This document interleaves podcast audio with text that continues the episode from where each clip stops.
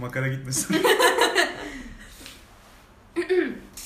Kırkında Silo Mevlidin okunurken Düştü aklıma 75 lira Borcu vardı bana Kırkında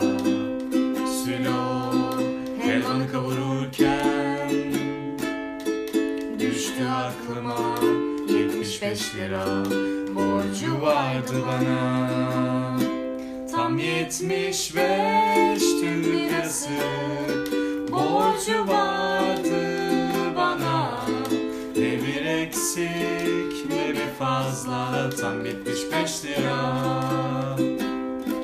Tam 75 Türk lirası Borcu vardı bana. Ne bir eksik fazla Tam 75 lira Tam 75 Bir daha İboşov akapellası gibi. Herkese merhaba insanlar. Alma İştoğlu'nun 13. bölümüne hepiniz hoş geldiniz. Ben Kart Sesi Salih ve İstanbul'dan sesleniyorum. Bugün şehirler arası bir konuğum var. Kendisi şehirler arasına ilmek ilmek okuyan bir arkadaş. İstanbul İzmit arasında baharat yolunun sahibi Zehra Coşkun. Merhaba. Merhaba Zehra. Merhaba. Nasılsın Zehra?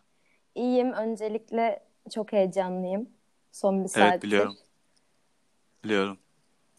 Sen- Seni daha çok heyecanlandırmak isterdim ama programın kapasitesi taş çatlasın 150-170 kişi arası. Böyle bir bin dinlenme falan olsaydı şu an herhalde Evet sıçmıştın. büyük ihtimalle camdan atlıyordum. Evet, camdan atla. Camdan şimdi de atlayabilirsin bu arada iyi olur. Kapattım pencereyi. Yüksek. Müthiş bir Reytingi iki yüksek. dakika. Aynen. Direkt şey yapardık, çekerdik. Nasıl gidiyor Zehra? Ee, güzel gidiyor. Ben Kadıköy'deyim az önce de söylediğim gibi. Fakat İzmit'in Kadıköy mahallesindeyim. Evet. Müthiş bir yerdesin. İstanbul'dan İzmit'e gelmek beni o büyük kültür uçurumundan aşağı atıyor her seferinde. Derin bir nefes alıyorum. Daha sonrasında fabrikadan çıkan hava gazlarını hissetmeye başlıyorum ve diyorum ki evet İzmit'e geldim. Onu ben hissetmedim lan. O rahatsız havayı hissetmedin mi İzmit'te hiçbir zaman? Hissetmedim ama kesin o rahatsız hava yüzünden çoğu defa hastalandım çünkü hayatımda hiç yaşamadığım bir nezle yaşadım orada. İzmit'e geldim burnum akıyordu giderken de akıyordu yani. Evet hoş geldin ve güle güle kardeşim hediyeleri. Aynen öyle. Pişmaniye yanında eşantiyon hatta giderken. Pişmaniye hiç almadım mesela. Tebrik ederim. Çok severim. Gerçek bir İzmitli sayılmamışsın yani hiçbir zaman. Sa- Zaten lütfen sayılmayayım. O çok ayrı bir konu. Çok gömüyorum ben İzmit'i ya. Bu, bu da çok kötü bir şey aslında. Ya bir şehri bu kadar çok gömmek. Bir de mesela geçen yayında şey demiştim ben. Asıl sorun şehirlerde ya da gittiğimiz yerde değil kendimizle alakalı e, gibi bir şey söylemiştim. Bilirsin felsefik bir insan. Evet, felsefik ama. Felsefik ama daha üstü değil yani. O ki modern bir felsefik. Neyse. Çok boş yaptık yine. Seninle zaten e, normalde de konuşmaya başlayınca Evet, hiçbir şekilde konu hiçbir yere bağlanmıyor. evet. Hiçbir konu 10 saniyeden ileri gitmiyor. İyi, güzel. Bu da böyle bir şey olsun. Şimdi sen öncelikle bir öğrencisin. E, şehir dışında okuyan bir öğrencisin. Ayrıyeten e, sanatçı yarısısın Evet. mı diyeyim. Evet. Öyle öyle bir anne, denir. anne yarısı Yani gibi bir Anne yarısı durumdayım gibi. şu an evet. Sanatın teyzesisin Sanatın teyzesiyimdir ben aslında. aslında. A- aynen. Aynen. Aynen. Sanatın teyzesi bir Evet. arkadaşımızsın. Anne olma yolunda inş Umarım. yani bakacağız ona artık. Ben de senin gibi. Ben de sanatın dayısıyım. E, Süper. ben mesela hiçbir zaman Öyle- dayı olamayacağım. Gereksiz. Cinsiyet cinsiyet yüzünden. Belki sen dayı olacaksın, ben teyze olacağım. Belki de. Fark eder mi? Hayır asla fark etmez. Bizim için fark etmez. Ee, harici sen ne yapıyorsun? Başka da bir şey yapmıyorsun işte. Aslında Öyle ben çok fazla şey yapıyorum. Ve Bahset bize. yani mesela biliyorsun ki tiyatroyla ilgileniyorum ama tiyatroyla tamamen gönüllü bir şekilde okul kulübü vasıtasıyla ilgileniyorum. Yani kulübün maliyesinden makyajına, kostümüne kadar oyunculuğuna daha varamadım ama rejiliğine kadar neredeyse bütün alanlarında bulundum. Hı hı. Yani keza müzikte aynı şekilde. Her iki müzikte inanılmaz dallandı budaklandı yaptığım şeyler. Bir gün okul gösterisinde ilahi çaldım mesela. Bir, Aa müthiş yalnız. ama şeydi e, etnosenfonik bir buluşmaydı. O yüzden e, şey yapmıyorum yani, üzülmüyorum buna asla. Çünkü bu da Bu bir, da güzel. Evet, bu da bir kültürün öğesi çünkü. Ve Aynen öyle. E, bir tekvando müsabakasında mesela keman çalmıştım. Böyle alakasız asla bir araya gelmeyecek rastgele random hallerde müziğimi icra etmeye çalıştım yani aslında. Hı hı. Onun haricinde yani sanatın, tasarımın, üretmenin yani sonu olmayan her şeyin içerisinde olmaya çalıştım bir şekilde. Bazen dışa vurumsal şekilde, bazen içimde yaşatarak olmaya çalıştım. Çünkü e, yani bu aslında benim için nefes almak gibi bir şey olduğunu fark ettim belli bir yaştan sonra. E, kısaca bahsedeyim mi bu Bahset canım. Bunun için buradayız. sanata sanata gençliğini eba etmiş bir arkadaşımızın. merhaba gönül dostları? Aynen. Ee, ben birinci sınıfa konservatuarda başladım ilk öğretim birinci sınıfa. Ondan öncesinde de biraz piyano çalıyordum. Edirne'de başladım Trakya Üniversitesi Devlet Konservatuarı'nda. Ee, ve 5. 6. sınıfa kadar orada okudum. Yani devamlı müziğin içerisindeydim aslında okula adım attığımdan beri. Sonra İstanbul'a geldim. İstanbul'da da Mimar Sinan Devlet Konservatuarı'nı kazandım 6. sınıfta. Ee, bu şekilde yedi buçuk yıl okudum. Yedi buçuk yani sekizinci sınıfın bir dönemi hariç okudum. Ee, müzik haricindeki adam akıllı diğer dersler hakkında neredeyse hiçbir bilgim yoktu okuldan çıkana kadar. Sonrasında yarı dönem, yarı zamanlı okumaya karar verdim. Ve okuldan çıktığım zaman bambaşka bir dünyayla, bambaşka bir ruh haliyle yeni ergenliğe girmiş insan böyle saf, tertemiz duygularıyla melankoliyi, işte acıyı, hüznü, Hakan Taşıyan, Müslüm Gürses bunları gerçekten tatmaya başladım. Azer Bülbül. Azer Bülbül aynen. Ve yani ben hani Nuri Bilge Ceylan, e, Zeki Demirkubuzken bir anda bu aşamaya geçince ani bir şekilde bir anda böyle camlardan dışarı bakıp ondan sonra arabesk tınıları böyle hissederek böyle dışarıları izleyen bir insan olmaya başladım çok kısa bir sürede. Hemen adaptasyonumu sağladım orada. Ondan sonra aslında e, sanatın insanın hayatına bu kadar küçük yaşlarda girmesinin ne kadar önemli bir şey olduğunu fark ettim ve bu aslında benim kendi tercih ederek başladığım bir yol değildi. Ailem sayesinde e, bu yola başladım. Ben zaten seviyordum ama e, bir şekilde yönlendirmeyle bunu daha profesyonel şekilde öğrenme şansı buldum. Ve e, sanatın içinde olmak, bu şekilde büyümek ve bununla yoğrulmak aslında insanın ne kadar e, farklı duygular kattığını, ne kadar farklı pencerelerden bakabildiğini öğretti bana. E, o yüzden kendimi şanslı sayıyorum aslında. Bir yandan da bu yoldan çıkmış olmak biraz beni boşluğa düşmüş, gayesiz hissettiriyor ara sıra. Bunun depresyonunu da yaşıyorum ara sıra. Kayış nerede koptu? Şu an mesela iç mimarlık okuyan Türk bir e, kadınsın. Evet. Ama belki de daha farklı bir Türk kadını olacaktın. Bu kayış nerede koptu? Ee, şöyle oldu aslında. Benim e, bu kararı vermem birazcık çocukluk dönemime denk geldi. Yani yarı zamanlı devam ettim ilerleyen zamanlarda ama e, öncesinde böyle küçük bir travma yaşadım aslında. Hatta travma olduğunu yaşarken fark etmedim ve sonrasında yavaş yavaş e, bunu hissetmeye başladım. Ve böyle keman aslında benim bir organım gibiyken çocukluktan beri yani gerçekten bir yol arkadaşı gibi bilmiyorum bu klişe mi oluyor bu tanım ama Ya. e, yani beraber güzel vakit geçirdiğim bir şeyler üretebildiğim bir enstrümanken ondan uzaklaşmaya başladım yavaş yavaş. İşte derslerime gitmek istemedim. Hocam telefonda devamlı beni aradı çağırdı ama ben gitmek istemediğimi söyledim. Ve bir şekilde e, his bağımız koptu. bir dönem ve ben uzaklaştığımı hissettim. O yüzden başka bir yol aramam gerektiğini, başka aslında bir kaçış noktası aradım ve o aradığım kaçış noktası da yine sanattan çok uzakta olmayan, yine e, sınırları olmayan bir alan olması gerekiyordu. O yüzden de tasarımın içinde olan bir bölümü seçmek istedim ve iç mimarlığı tercih ettim. Yani mantıklı aslında. Yani ben de iç mimarlığı senden önce çok bilmiyordum.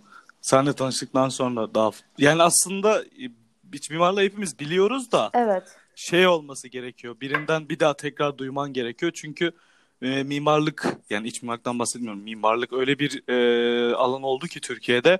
Yani sanki her önüne gelen mimar olabilir. Selim Bey.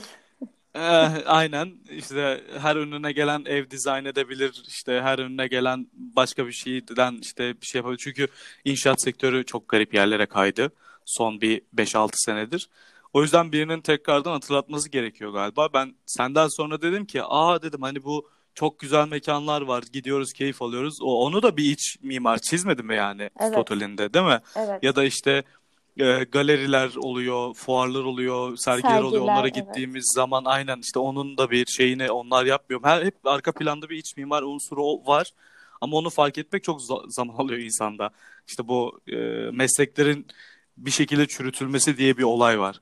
Yani e, atıyorum korona olmadan önce doktorluk hep vardı ve doktorlar korona dönemindekinden belki daha fazla acı çekiyordu bazı doktorlar ya da işte e, yerine ve mekanına göre değişebilir ama e, bizim doktorluğu tecrübe edebilmemiz için ya bir doktorun dayak yemesi ve sansasyonel bir ha- haber olması gerekiyordu ya da işte bu korona mevzusunda yaşananları işte yüzünde yara çıkan doktorlar falan filan Evet. bunları tecrübe etmemiz gerekiyordu.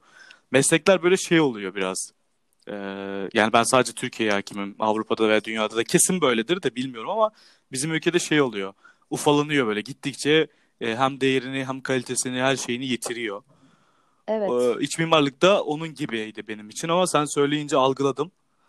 Ee, bence güzel yani sanattan da kopmamış oluyorsun Evet. herhalde. Yani e, zaten sanattan kopmamak hatta sanatla ilgilenmediyse bile bir kişi iç mimarlık okumaya karar verdiği zaman sanatın bana kalırsa bütün e, dallarına az da olsa hakim olması gerekir diye düşünüyorum. Mesela e, ben müzisyen sayılırım. İşte müzisyen yarısıyım.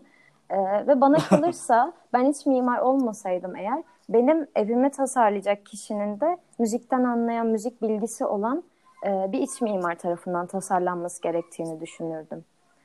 Mesela atıyorum bir tiyatrocusundur. E, ve benim Akustik çev- açısından mı dedim bunu mesela? aslında sadece akustik açısından değil.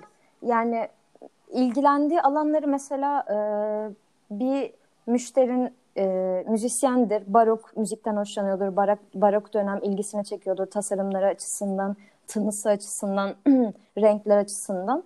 Ve sen e, bu döneme hakim olmasındır ama bunlar e, aslında deneyimlenmesi gereken e, bilgiler. Yani aslında kitaptan okuyup ya da işte birkaç bilgi öğrenip e, onu oraya koyayım, bunu buraya koyayım şeklinde yapılacak şeyler değil. Deneyimlenip kendi e, içinde sentezlemen gereken şeyler olduğunu düşünüyorum.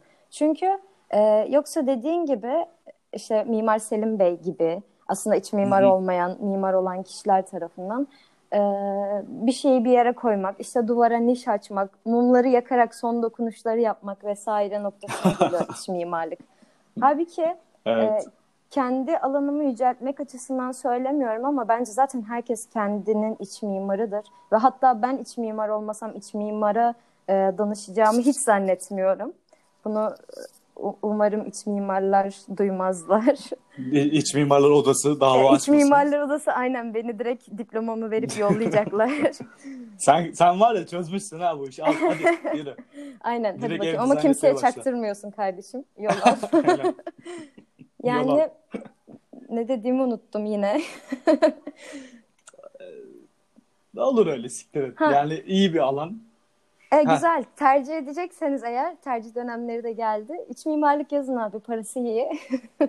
Tercihler açıklandı be oğlum. Ama ek tercihlere kalanlar varsa Evet. dinleyip de ek tercihlerde iç mimarlık tavsiyesinmiş. Tavsiye. Evet.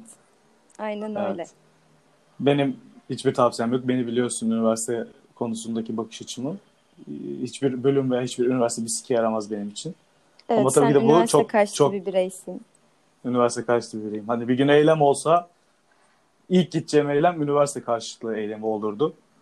Çünkü ciddi anlamda hiçbir şey öğretilmediğini düşündüğüm bir alan ama Ne yazık ki. kişi- kişiden kişiye çok çok çok güzel bir şekilde değişen bir şey yani. Evet. Bence hiçbir işe yaramıyor her neyse. Ee, Evet. İyi, güzel ama peki ne olacak? İler, ilerisi için ne düşünüyorsun yani? Tamam iç mimarlık çok güzel bir meslek ve devam ettireceksin ama bu e, gençliğini parçaladığın sanatı ne yapacaksın? Bir kenara mı koyacaksın? Yoksa Evet. hayatın kendi içinde mi yaşayacaksın ya da topluma mı sunacaksın? Bir noktadan sonra böyle isteğin nedir? Ee, iç mimarlıktan mı bahsediyoruz şu an? Çünkü sesin biraz kesildi. Ha, Okey. Yani şunu demeye çalışıyorum. Şimdi iç mimarlık cepte zaten senin için değil mi? Evet. Hayatından artık buradan kazanmakla alakalı bir şeyin olacak ama sanatı ne yapacaksın o noktada? Yani e, diğer sanatı. İçinde mi yaşayacaksın, topluma mı çıkartacaksın? Sanatı şu andan itibaren söyle.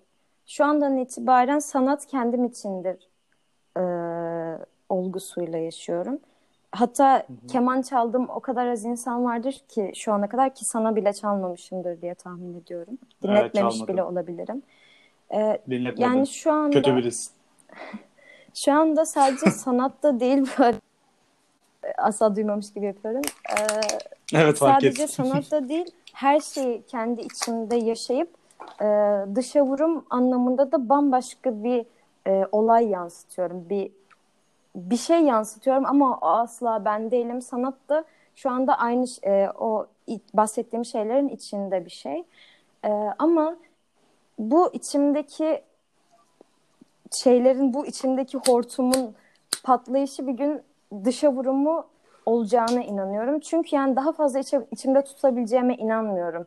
Yeni ürünler çıkıyor. Asla eser demek istemiyorum. Çünkü eserler geçmişte kaldı benim için. Türk müziği içinde olsun, klasik müzik içinde olsun. Eserler geride kaldı ve ürün olarak ortaya çıkarılan işler beni asla tatmin etmiyor ve her geçen gün sanki bir adım atmam gerekiyormuş gibi hissediyorum. Ama bu kadar hızlı tüketilen bir dönemde e, hatta dönemi tükettiğimiz yetmiyormuş gibi geçmiş dönemleri yüzlerce yıl öncesine bile tüketmişken e, bu döneme yeni bir e, eser bırakmaya çalışmak, ürün olmadan bir eser ortaya çıkartmaya çalışmak e, büyük karın ağrıları sonucunda ortaya çıkacaktır diye düşünüyorum. O yüzden şu anda içimde bir hesaplaşma dönemi içerisindeyim. Yani yaklaşık belki de iki yıldır bu şekildeyim. Yani bu sanatçının sessiz o yüzden dönemidir. geçmişe dayalı olarak net bir şey söyleyemiyorum. Yönelik olarak. O zaman umarım gelecekte çünkü ben senin şeyine güveniyorum yani o bakış açına ve çıkartacağın herhangi bir şeydeki özgünlüğe inandığım için umarım gelecekte güzel bir şey çıkar senden yaparsın yani. Bu temennim olsun. Haricinde de e, mesela alanlarımız farklı, yaptığımız şeyler farklı ama benim de kaygım o. Bu tüketim çılgınlığıyla alakalı. Buna bakış açını zaten anladım ama yani eklemek istediğin ne var bu tüketim çılgınlığı açısından? Şöyle düşünüyorum. Tüketim çılgınlığı sanat açısından söyledim, müzik açısından söyledim ama şu anda e, örnek veremeyeceğim herhangi bir alan, herhangi bir nokta yok yani. Şu anda sanki nasıl bir şey hissettiriyor bana biliyor musun? Twitter'da okuduklarım, insanların duygulara kadar tüketmiş olması, filmlere kadar, e, dinlediklerine kadar tüketmiş olması sanki bir kıyametteymişiz hissi yaratıyor bende.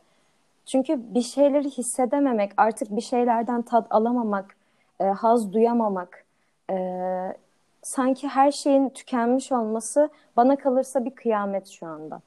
Belki de kıyamet böyle bir şeydir diye düşündürüyor bana.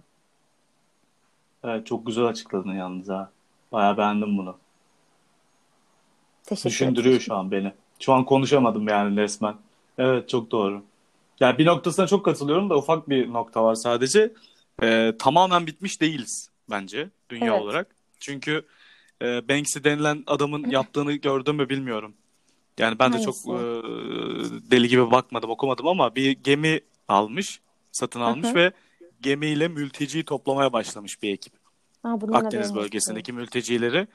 Yani sanatçı bir herif. Zaten onun eserleri muhteşem falan. Yani bu örnek verebileceğim bir kişi. Evet. İşte haricinde Parazit diye bir film çıktı mesela geçen sene. O, Wow'dı yani. Ama senin dediğin şeyi şu noktada algılayabiliyorum. O kadar az çıkıyor ki geldiği zaman sen de tüketici oluyorsun. O, o Evet. yani karşı durduğun şeyin içerisine giriyorsun çünkü yani mükemmel de olsa, gerçek de olsa sen de her şeyi tüketenler gibi onu da çok hızlı tüketmeye başlıyorsun. Çünkü çok sınırlı sayıda eser var. Böyle hani altını çizebileceğin, seneler sonra tekrar dönüp bakabileceğin çok az eser çıkıyor. O noktada evet katılıyorum sana yani. Doğru. Evet. Yani yeni bizi tatmin eden bir iş çıktığı zaman tek seferde bırakamıyoruz. Çünkü sanırım artık beyinlerimiz e, bizim önümüze hazır koyulan filmlere asla beynimizi kullanmamıza gerek duymayacağımız, asla e, yoruma açık olmayan dümdüz filmleri, dizileri izledikçe yani yeni bir iş ortaya çıktığında ve bizi wow dedirten işte tatmin eden işler ortaya çıktığında bu sefer onları o kadar çok izliyoruz ki yani ben kendi adıma konuşayım. O kadar çok izliyorum ki artık bir süreden sonra şey geliyor. Devamlı tekrara giriyor. Devamlı onunla yaşamaya Aynen. başlıyorum.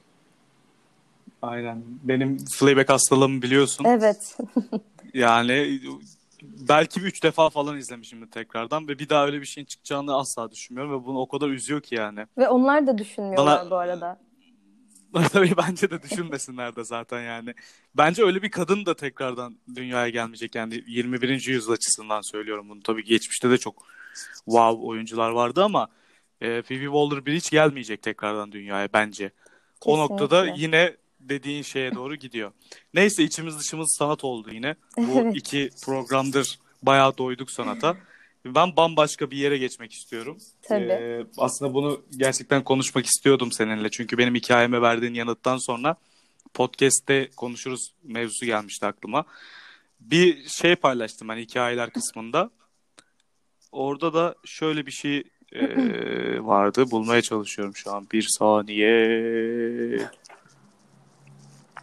Galerim çöplük gibi ya. Hangimizin dedik. Ve bulamadım. Aha geçmiş olsun. Abi kaydetmiştim. Nasıl bulamam şu an? O kadar rezil bir durum Hikaye ki ya. yanıtlarına bakman gerekiyordu. Galerime kadar kaydettim ama ben bunu. Sanırım Aa! şöyle bir şeydi. Ee, E, ailelerimiz. aile kutsal değildir. Evet, Evet. ailelerimiz aile kavramıyla alakalı bir hikaye ama bir dakika bulacağım. En kötü keseriz la burayı ne olacak? Beklemedeyiz aynen. Buraya bir 75 Heh, buldum tamam. Ee, aile kutsal değildir. Çoğu aile psikolojik açıdan toksittir. Toplumun temeli de değildir. Bu sadece geleneksel bir dayatmadır. Toplumun temeli herkes için adalet olgusu üzerine inşa edilmiş koşullarda eşitlikçidir. Evet. Ve senin buna e, Ekrana tepkin... bakıp evet dedirtmişti bana bu işte. Ah, aynen. Ha işte. Bu bu bu bu.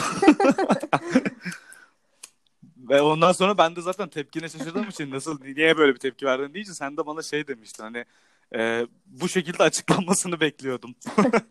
Gerçekten e, duygulara tercüman olmak adlı e, eseri dinliyorsunuz şu anda. Yani Aynen öyle. e, çok e, gerçekten bütün detaylarıyla açıklanmış olması bir anda hani şey olur ya birisi masaj yapar. Ondan sonra bir yerin ağrıyordur ama tarif edemezsin. Sonra denk gelir ha orası işte işte burası. Evet. Doğru yere Evet. parmak bastığın şeklinde. Yani Bana çok kaşınırken olur bu. Ha, mesela doğrudur. yani e, hani çocuk ailenin aynasıdır diye bir şey var ya kalıp.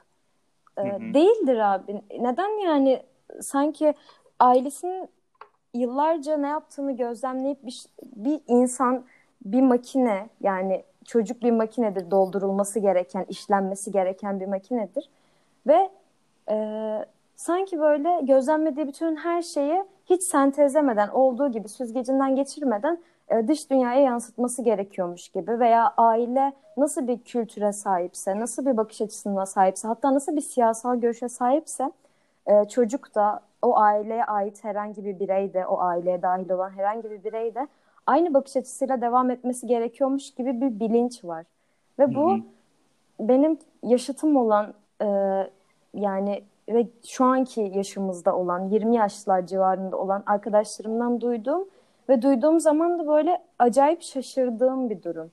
Çünkü e, insan evet bir yaşa kadar ailesinden ne gördüyse o şekilde yaşamalı. Çünkü başka bir şansı yok. E, ya izlediklerinden, e, seyrettiklerinden, sokakta gördüğünden, bir gün annesiyle babasının tartışmasından, herhangi bir şeyden ne gördüyse onun aynısını yansıtmaya başlıyor ilk doğduğu andan itibaren. Ama bir yaştan sonra o süzgeç iyice daralmalı aslında ve biz daraltmalıyız bunu. Çünkü dediğim gibi insan kimyasal e, tepkimeler üreten bir makine gibi ve hepimizin kimyasal denklemlerimizin ürünleri bambaşka. Hiç kimsenin ürünü aynı olma imkanı yok. Yani milyonlarca kombinasyon var. O yüzden sen dedin ya mesela Fleabag'e e, yazan kadın gibisi asla gelmeyecek. Aynen. Zaten hiçbirimiz gibi bir e, yaratık, bir beyin yapısı asla bir daha dünyaya gelmeyecek. Bizim işte bunun farkına varmamız gerekiyor diye düşünüyorum. Benim orada aslında e, bam telime dokunan mı denir bilmiyorum ama e, beni en çok etkileyen noktası oydu. Çünkü bu benim için bir karın ağrısı. İnsanların bu şekilde davranıyor olmaları. Evet çok haklısın. Yani benim e, sana da söylediğim ve benim çoğu defa herkese söylediğim bir şey vardır. E, üniversite okumadım. Üniversiteye gidip de okumayacağım. E, çünkü ya ben ileride bundan 10 sene sonra işte boktan bir evde, bir artı bir evde kira parası için çok garip işlerde bulunacağım. Ya da işte yapabildiğim şu anda üzerine çalıştığım e, bu bu bile yani bu konuştuğumuz platformun paylaşımından çıkan ortaya çıkan ürün de dahi olsa da bunlardan birinden belki bir noktadan bir şeyler üretirim ve öyle yoluma devam ederim. Hayatımı kurtarırım ciyim. İki tane yolum var ve bunu her zaman söylerim. Ya ben çok böyle açlıktan falan öleceğim ya da e, normal nizam bir seviyede hayatımı devam ettireceğim. Ama ailem benden asla bunu beklemedi veya aile fertlerimin hatta sülalenin içindeki hiç kimse benden bunu beklemedi. Herkesin söylediği tek şey vardı. Üniversiteni oku, mezun ol, ondan sonra e, işini eline al, ondan sonra da işte evlen, devam ettir. Ben zaten bu sistematik kalıba o kadar saçma buluyorum, o kadar karşı çıkıyorum ki hayatım bunu karşı çıkmakla geçiyor. Her yaptığım üründe, her şeyde. Yani tamamıyla e, inanılmaz bir şey geliyor bana. Yani bu bir denklem olamaz gibi geliyor. Çünkü ben örnek veriyorum şu anda e, bir şeyde olsam, e, tıp fakültesinde olsam, e, mezun olduğum zaman örnek veriyorum hayatımı 20-25 senesini birilerini iyileştirmek için harcamak istemiyorum. Ya da bir avukat olsam işte biliyorum asla rüşvet almayacağım. Çünkü çok inatçıyım doğruyu söylemek konusunda. E, ya 2 yıl 3 yıl sonra şu anda insanların terörist dediği insanlar gibi hapse atılacağım ya da e, çok bambaşka şeylerle karşılayıp öldürüleceğim bir kenarda. Başka bir meslek seçeceğim yine başka bir şey. Çünkü benim karakterim farklı. Ve bu karaktere uygun bir meslek ya da bunu, bu karaktere uygun bir dal kendime bulamıyorum bu ülkede. Ya da bu dalların hiçbirini yapmak istemiyorum. Ama aile dediğin şeyde ve sülalenin içine girdiğinde senin dediğin e, şeylerin içine girdiğin zaman herkes sana bambaşka bir şey söylüyor. Ya da en basit örnek benim annemin siyasi görüşü sağcı, babamın siyasi görüşü solcu. Ben hayatımı öyle bir endekslemişim ki onların o kavgalarından nefret ederek ya da onlarla büyüyerek ben ikisi de değilim. Ben çok daha farklı bir yerdeyim ve o farklı yeri asla sorgulayamazsınız diyeyim. Bu mesela ailemin dışında da her yerde aynı şekilde devam ediyor. O yüzden asla aile kutsal değildir. Ben belki de Mesela aile kutsal demek de ailenin her dediği şey doğrudur demektir. Bir şey kutsalsa o yani sorgulanamaz tümüyle doğrudur evet. demektir. Ben o şekilde hayatımı devam ettirseydim gerçekten hiçbir şekilde yaşadığım hiçbir andan mutlu olmayacaktım. Çünkü biliyorum ki e, üniversiteyi iyi okuyup 6-7 sene debelenip ondan sonra 20 bin 25 bin lira kazandıktan sonrası bana mutluluk getirecek mi bilmiyorum ama şundan eminim ki üniversite okumamış bir şekilde yaşadığım gençlik bana inanılmaz şeyler kattı ve asla pişman değilim diyebilirim. Çok katılıyorum sana. Yani üniversiteye giden bir insan da olsam e, üniversitenin bana neredeyse hiçbir şey katmadığına inanıyorum. Çünkü e, kendim çabalayıp öğrendiklerim bana çok daha fazla şey kattı mesleğimle alakalı e, veya başka araştırdığım herhangi bir şeyle alakalı. Üniversiteler ne yazık ki ailelerin bu isteklerini karşılayıp bir kağıt parçası olan diplomadan ibaret oldular.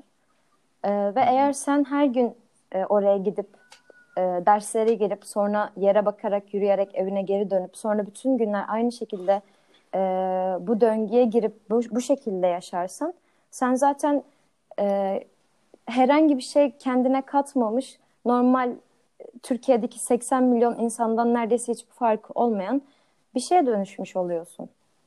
Ve ben yani e, inanılmaz bir özgünlük çabası olan ve hatta sırf bu yüzden saçma sapan işler yapmış, mükemmelliyetçilik adı altında bir, bir sürü kez saçmalamış bir insan olsam da mesela bu özgünlük çabasını e, bunu yapan kişileri çok e, kutsal bir şeyin peşinde gittiklerine inanarak izliyorum.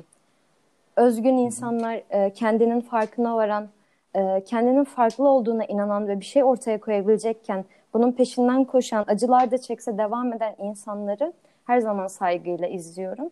Ve benim de e, amacım, e, ideolojim bu şekilde geçmişe yönelik olarak. Böyle olması gerektiğini düşünüyorum. Hatta bazen böyle olmadığı zaman başkaları e, tarafından duyduklarıma üzülerek ve sinirlenerek tepki veriyorum. Yansıtmamaya çalışıyorum ama e, sinirleniyorum yani. Yani ben de çok sinirleniyorum. Yani örnek gösterilen insanlara da çok sinirleniyorum. Bir e, siyasi kuruluşun ya da bir torpilin ya da bir şansın getirmiş olduğu e, parayla e, yani hiçbir aklın mantığın yapmayacağı şeyleri yapıp gezip dolaşan, hava atan, nargile içen, arabayla poz veren falan filan insanları örnek gösterilince hani bunlar gibi yaşam var. Bunlar gibi yaşarsın. İşte e, bir mesleğin bir şeyin olunca denildiği zaman ya yok ben bunlar gibi yaşamayayım ya. Ben 40 yaşıma geldiğimde de moda sahilde otururum yani. Bu şeylik değil ama yani yanlış anlaşılmasın Kadıköycülük değil. Ee, ya da işte giderim yani Çengel'de İskele'de otururum yani onlar gibi yaşamaktansa. Çünkü onların durumu çok daha kötü.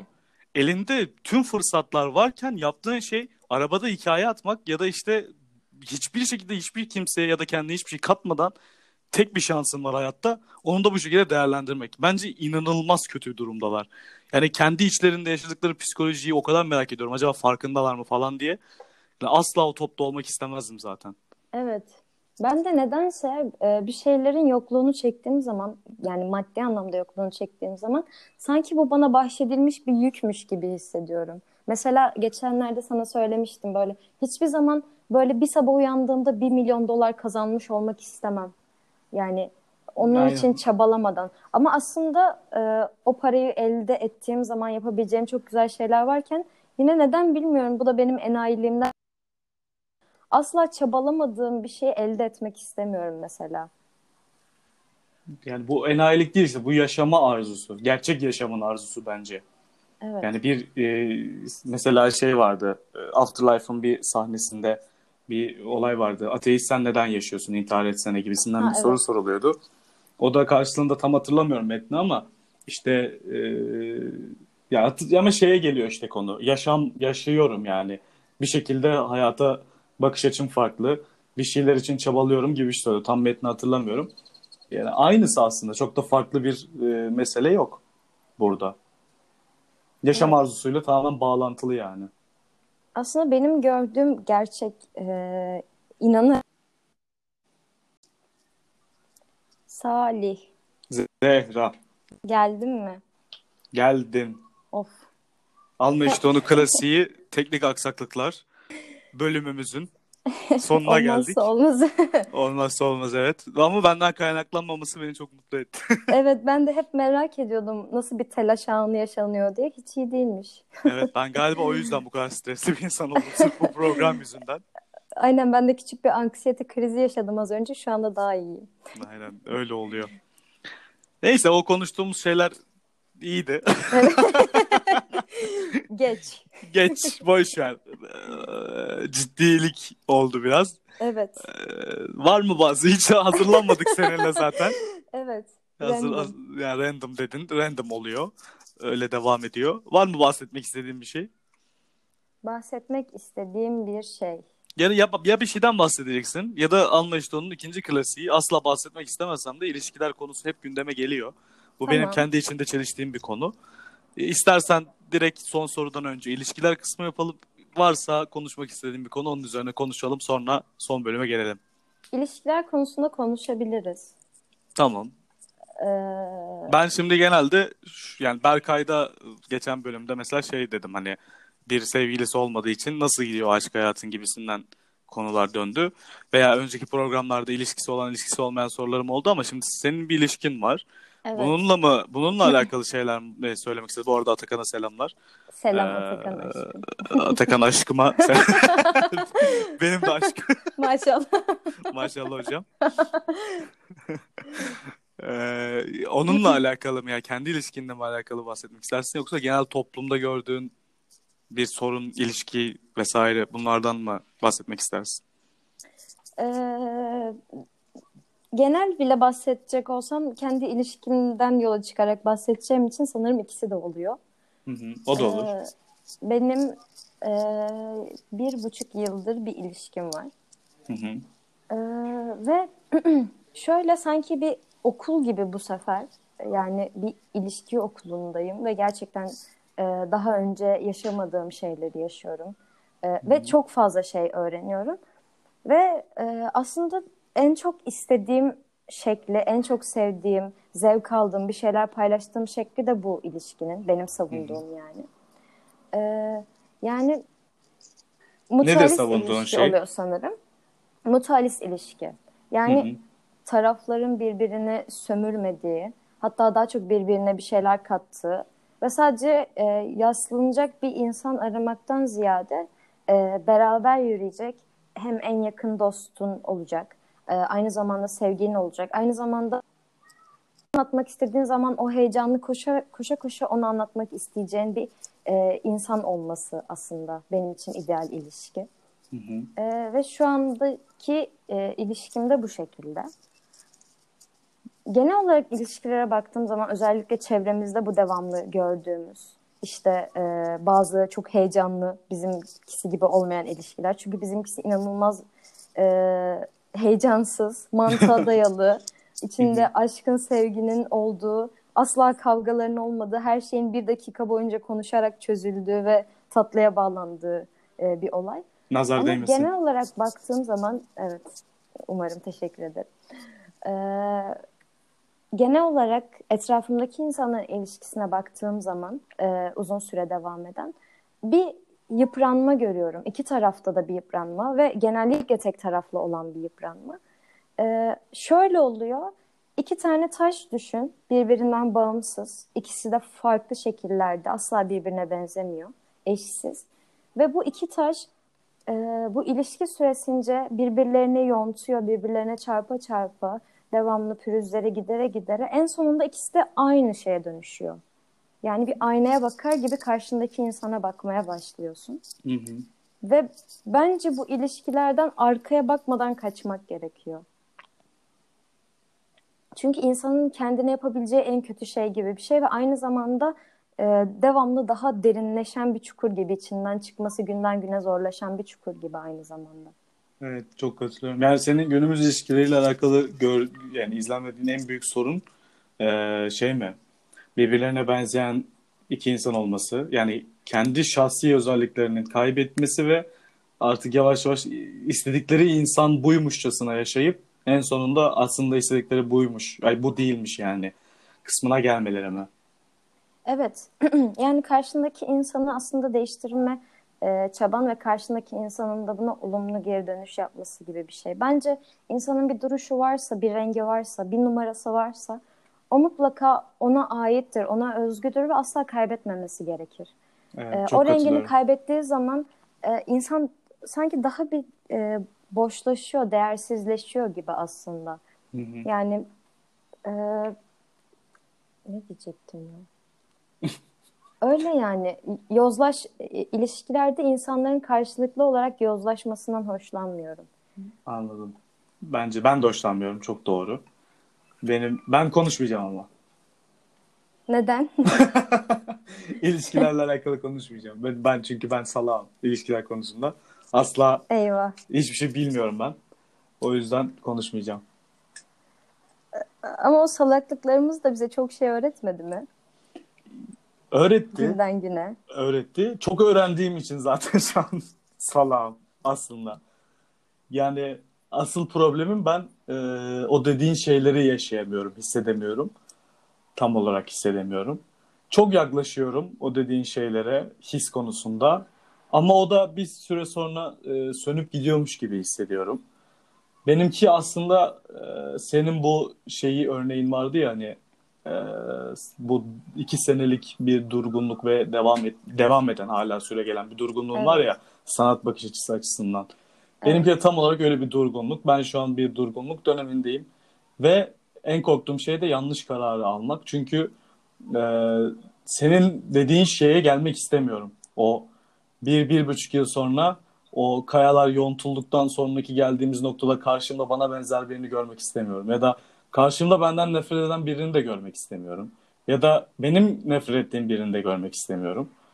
Ve o ana kadar da ki bu da benim için en büyük problemdir gördüğüm e, olaylar arasında. O insanı beklemeden e, belki bir cinsel arzunun esiri olarak ya da belki de e, sanmak ya da belki de e, o olduğunu düşünmekten ötürü aslında zamanını beklemeden başlanmış ilişkiler çok kötü oluyor. Yani o insanı beklemiyorlar. E, konuşuyor. Ha tamam bu cepte ya. Bununla başlayayım ben deyip ilişkiye başlanıyor. O mesela çok kötü bir şey.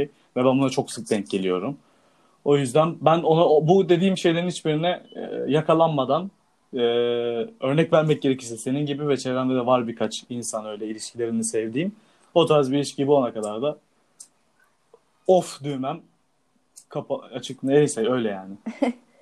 Yani hedonist bir çığlık dinledik az önce. Bir yakarış. Aynen öyle. Yani haz almadığın yerde yoksun aslında. eee, bu çok olağan bir şey, çok doğal bir şey ama insanı da çok yıpratan bir şey değil mi aynı zamanda? Yani yıpranıyorum. Evet ama bu Çok büyük beklentiler çünkü. işte ya benim zamanla beklentilerim hafifleyecek ve e, akışına bırakacağım ki akışını asla bırakamayan bir insanımdır. Evet. Ya da e, o öyle olacak yani bir gün.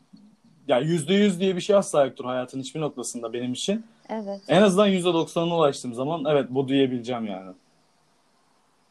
Evet. Öyle- öyle diyebilirim. gün. Bakarız. Şart değil. Evlilik de şart değil. Ee, Evet, kesinlikle. Yani bir insanla beraber ömür geçirmek de şart değil. Belki de insanların adlan ileride yani zampara salih olarak böyle. pis, Bence pis salih. herkes o evreye gidiyor. Aynen pis salih. Pis salih. Ben o olabilirim belki. Yani e, bunu yine daha önce de birkaç kez dile getirmiştim. Ben şey düşünüyorum zaten e, bir 10 yıl içerisinde, 10 yıl sonrasında zaten insanlar neredeyse hiç evlenmeyecekler. Çocuk yapmayacaklar belki. Ya da çocuk yapmak için amaçları çok daha farklılaşacak. Belki bir proje olarak çocuk yapmaya başlayacaklar. Yani O şu an böyle Çünkü- zaten. Yani proje için doğuyoruz hepimiz. Bayağıdır öyle o bence. Yani hani bayağıdır öyle ama aynı zamanda bir şey de var. Ee, mesela anneye bahşedilmiş hormonlar. Ha ha Aslında tabii. Evet o da var. aslında tam bir tezgah. Yani Aynen. bütün hayatını ele geçiren bir varlık üretiyorsun. Ama sana yanında eşantiyon olarak hormonları gönderiyorlar. Bak diyorlar ki sen şimdi bu hormonları alıyorsun. Bu çocuğa iyi bakıyorsun. Hadi bakalım. Şeklinde bir tezgah bu aslında. Ama Evet. işleyen de bir tezgah aynı zamanda. Çünkü anne nedir? Anne kutsaldır. Evet. Anneler kutsaldır defan kartı.